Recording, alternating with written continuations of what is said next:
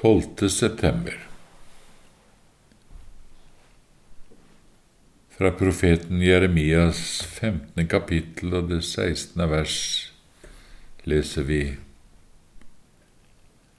Når ditt ord kommer til oss, holder det oss oppe og er til fryd og glede for vårt hjerte. Rosenius sier her viser profeten hvor nyttig og nødvendig det er å bruke Guds ord. Men bare tanken på hvor umulig det er å utlegge dette emnet rett, får hånden til å synke. Emnets enorme betydning, den veldige motstand dette vil møte, vårt trege kjød, verden med sine fangarmer, og en rasende Satan reiser seg da mot henne. Her burde ordene skrives med ildskrift i hvert enkelts hjerte. Likevel var det ikke forkynt sterkt nok. Hvem tenker vel over at den egentlige grunnen til all elendigheten i verden all svakhet i menigheten så vel som dens medlemmer, er at vi forsømmer å bruke Guds ord, og at flittig og rett bruk av Guds ord er grunnen til all åndelig godt i verden. Tilstanden i verden er at menneskene er falt, og syndens følger er forferdelige, vantro, synd, selvsikkerhet, hardhet og mørke. Men Gud ville ikke at det ikke skulle finnes redning fra alt dette. Guds barmhjertighet og rettferdighet kunne ikke la menneskene være overgitt til denne tilstanden uten noe som helst middel til å opprette skaden. Derfor sendte han oss et middel fra himmelen, en hellig sæd, som når den ble sådd i menneskehjertet, skulle gjenskape det tapte gudsbildet. Det skulle gi oss lys over veien, hellighet i viljen og ny åndelig kraft. Du er blind, du er hard, vantro, ufrelst og bundet i synd. Men det er redning fra alt dette i det legemiddelet Gud sendte oss fra himmelen. Gjennom dette middelet kan du få nytt åndelig syn, lære å kjenne din synd og bli frelst og fri i Kristus. Men bruker du ikke dette middelet, har du ingen mulighet for å overvinne det onde og bli reist opp igjen selv om du ber Gud inderlig om nåde til dette. Om du våker og strir deg til døde mot synd, alt vil være forgjeves. Syndefloden bare bryter fram med uimotståelig styrke. Alt dette bekrefter også all erfaring. Det finnes steder og menigheter som har åndelige lærere som med sin forkynnelse pløyer og sår, og som vanner åkeren med sine tårer. Men det står likevel jammerlig til blant folket. En finner ingen varig åndelig kraft der, ingen vekst i tro og Guds frykt. Vitnesbyrdene har sin rot i forstand eller følelse. Og hva er årsaken? Ja, undersøk, så skal du få se grunnen, at det er at menneskene der selv ikke har begynt å ta til seg av Guds ord. Og så lenge de ikke gjør det, blir heller ikke det ordet de hører fra prekestolen, til liv for dem. Det bærer ingen frukt.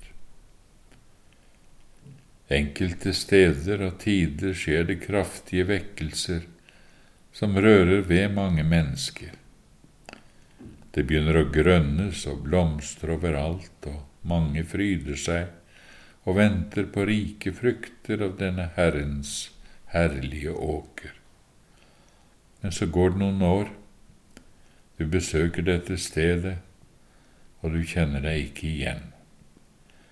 I sorg må du erkjenne at stedet ligger som en ørken. Du ser bare tistler og torner, frekkhet og ugudelighet mer enn noen gang. Og hva tror du er årsaken?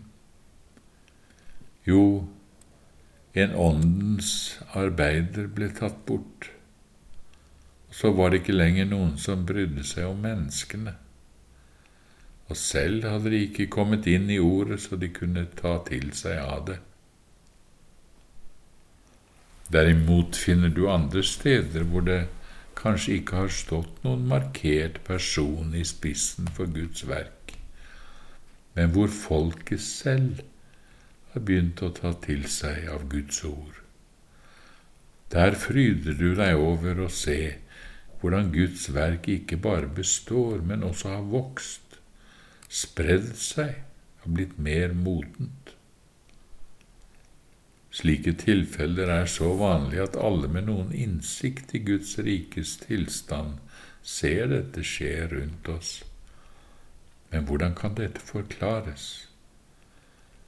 Ja, tenk bare på din egen erfaring. Hvis du er en kristen og har gått noen tid i Åndens skole, hva kan du rose deg av? som har holdt ditt åndelige liv oppe og gitt vekst. Har du selv vært så sterk, så trofast, årvåken og opplyst at dette har gitt deg den kraften du trengte i alle prøvelser? Nei, du har nok ikke noe annet enn Guds trofasthet å rose deg av. Men nå er Gud like trofast imot alle. Det har ikke manglet på Guds trofasthet der kristendommen har dødd ut. Forskjellen har bare vært at der har de sluttet å bruke nådemiddelet, mens du har fått nåde til å ta deg av det.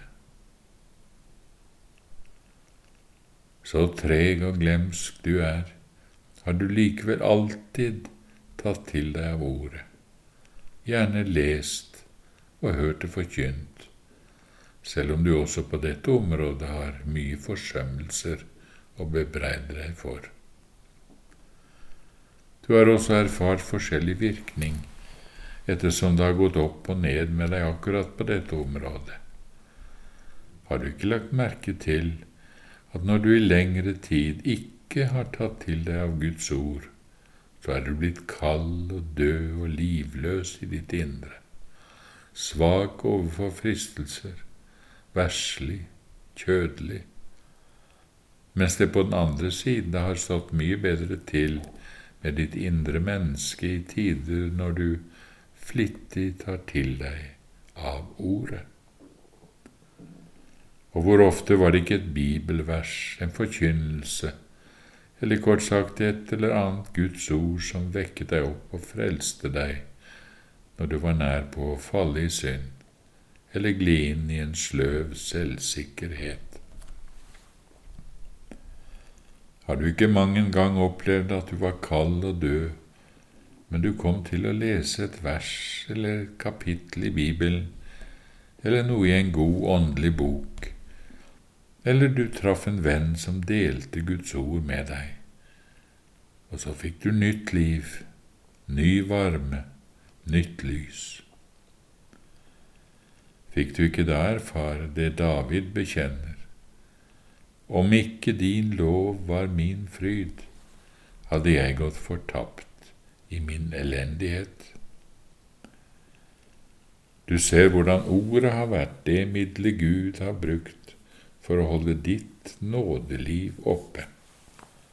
På samme måte er det med alle kristne. Det er ikke for ingenting Guds ord kalles et nådemiddel, og uten det er det umulig å beholde nådelivet.